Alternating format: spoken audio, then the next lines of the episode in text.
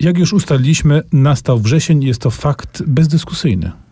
Tak, aczkolwiek odrobinkę nas podłamujący, bo trzeba się wziąć Odrobinkę, do ja roboty, się czuję mocno do podłamany. szkoły i tak dalej. Dlatego książki wypełnione nadzieją w piątce z literatury będą nam towarzyszyć, by tchnąć w nas trochę pozytywnej energii. No i widzę, że pierwsza, którą przyniosłeś, tę nadzieję już ma nawet w tytule, bo tytuł brzmi Nadzieja w mroku. Tak, Rebeka Solnit. E, Mrok to oczywiście nasze czasy, nasze czasy, które są mroczne No i są troszeczkę grożą kryzysem klimatycznym, kryzysem w ogóle i Bóg wie czym jeszcze.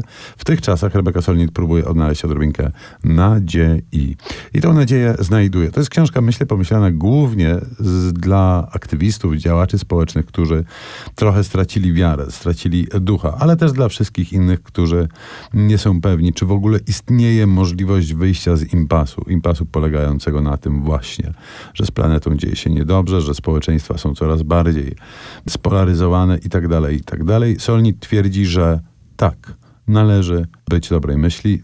Niestety ta odpowiedź, mówiąc szczerze, jest troszeczkę nudnawa, momentami chaotyczna i umiarkowanie przekonująca. Chociaż nie, to źle słowo. Ona No jest przekonująca. Daje nadzieję, czy nie daje nadziei? Daje, tak, ona daje e, nadzieję, tylko daje w sposób, który literacko, e, delikatnie mówiąc, jest umiarkowanie efektowny. Więc jeżeli Państwo są totalnie podłamani, proszę czytać. Jeżeli nie, to może e, namawiamy do sięgnięcia po klasyczną chińską pozycję, która też nas wprawi w lepszy, pogodniejszy nastrój. Tak, mówisz, jak rozumiem, o tym, co ja trzymam w ręku, przepięknie wydana, dopiero co zresztą e, po polsku, książka napisana przez niejakiego Shen Fu, chińskiego autora z XVIII wieku, której tytuł brzmi O upływającym życiu, opowieść w sześciu rozdziałach. Zgadnij, Szymon, ile ma rozdziałów ta powieść?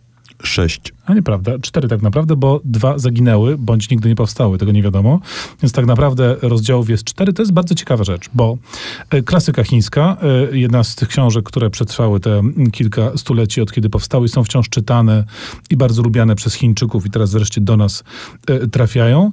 To jest taka bardzo intymna, osobista opowieść dość zwykłego pana, no zwykłego jak na tamte standardy, bo mówimy jednak o Chińczyku sprzed dwustu kilkudziesięciu lat, który prowadzi sobie życie nie jakieś szczególnie pełne sukcesów. Przeciwnie, ma lekką, lekką frustrację zawodową, nie, nie jest w stanie przebić się do urzędniczej e, kasty i żyć naprawdę zasobnie. I on pisze o takich zupełnie codziennych, zwykłych sprawach. Zaczyna od historii swojego małżeństwa, jak poznaje żonę, jak spędza z nią czas. Potem spotka go tragedia, e, żona umiera i on jednak odnajduje jakieś życie, jakiś, jakiś sens w takim codziennym, e, codziennym trwaniu. To jest taka pochwała zwykłości, codzienności, odnajdywanie uroków w zwykłych rzeczach. No jak to Chińczyk z epoki klasycznej, on na przykład uwielbia czytać i pisać poezję, to może nie wszyscy z nas praktykują, ale na przykład patrzenie na przyrodę, na kwiat, na ogród, na kamień, na roślinę w doniczce, jedzenie, picie, towarzystwo. Efekt ogromny tej książki polega na tym, że to jest kompletnie inna epoka i kompletnie inne miejsca świata, ale okazuje się, że ta zwykłość i codzienność właściwie y, wszędzie była i jest taka sama. Łatwo nam się utożsamić z Shen Fu i jego codziennością, w związku z czym to, ta książka daje dużo nadziei. Daje nadziei takiej, takiego pogodzenia się i czerpania przyjemności z codzienności.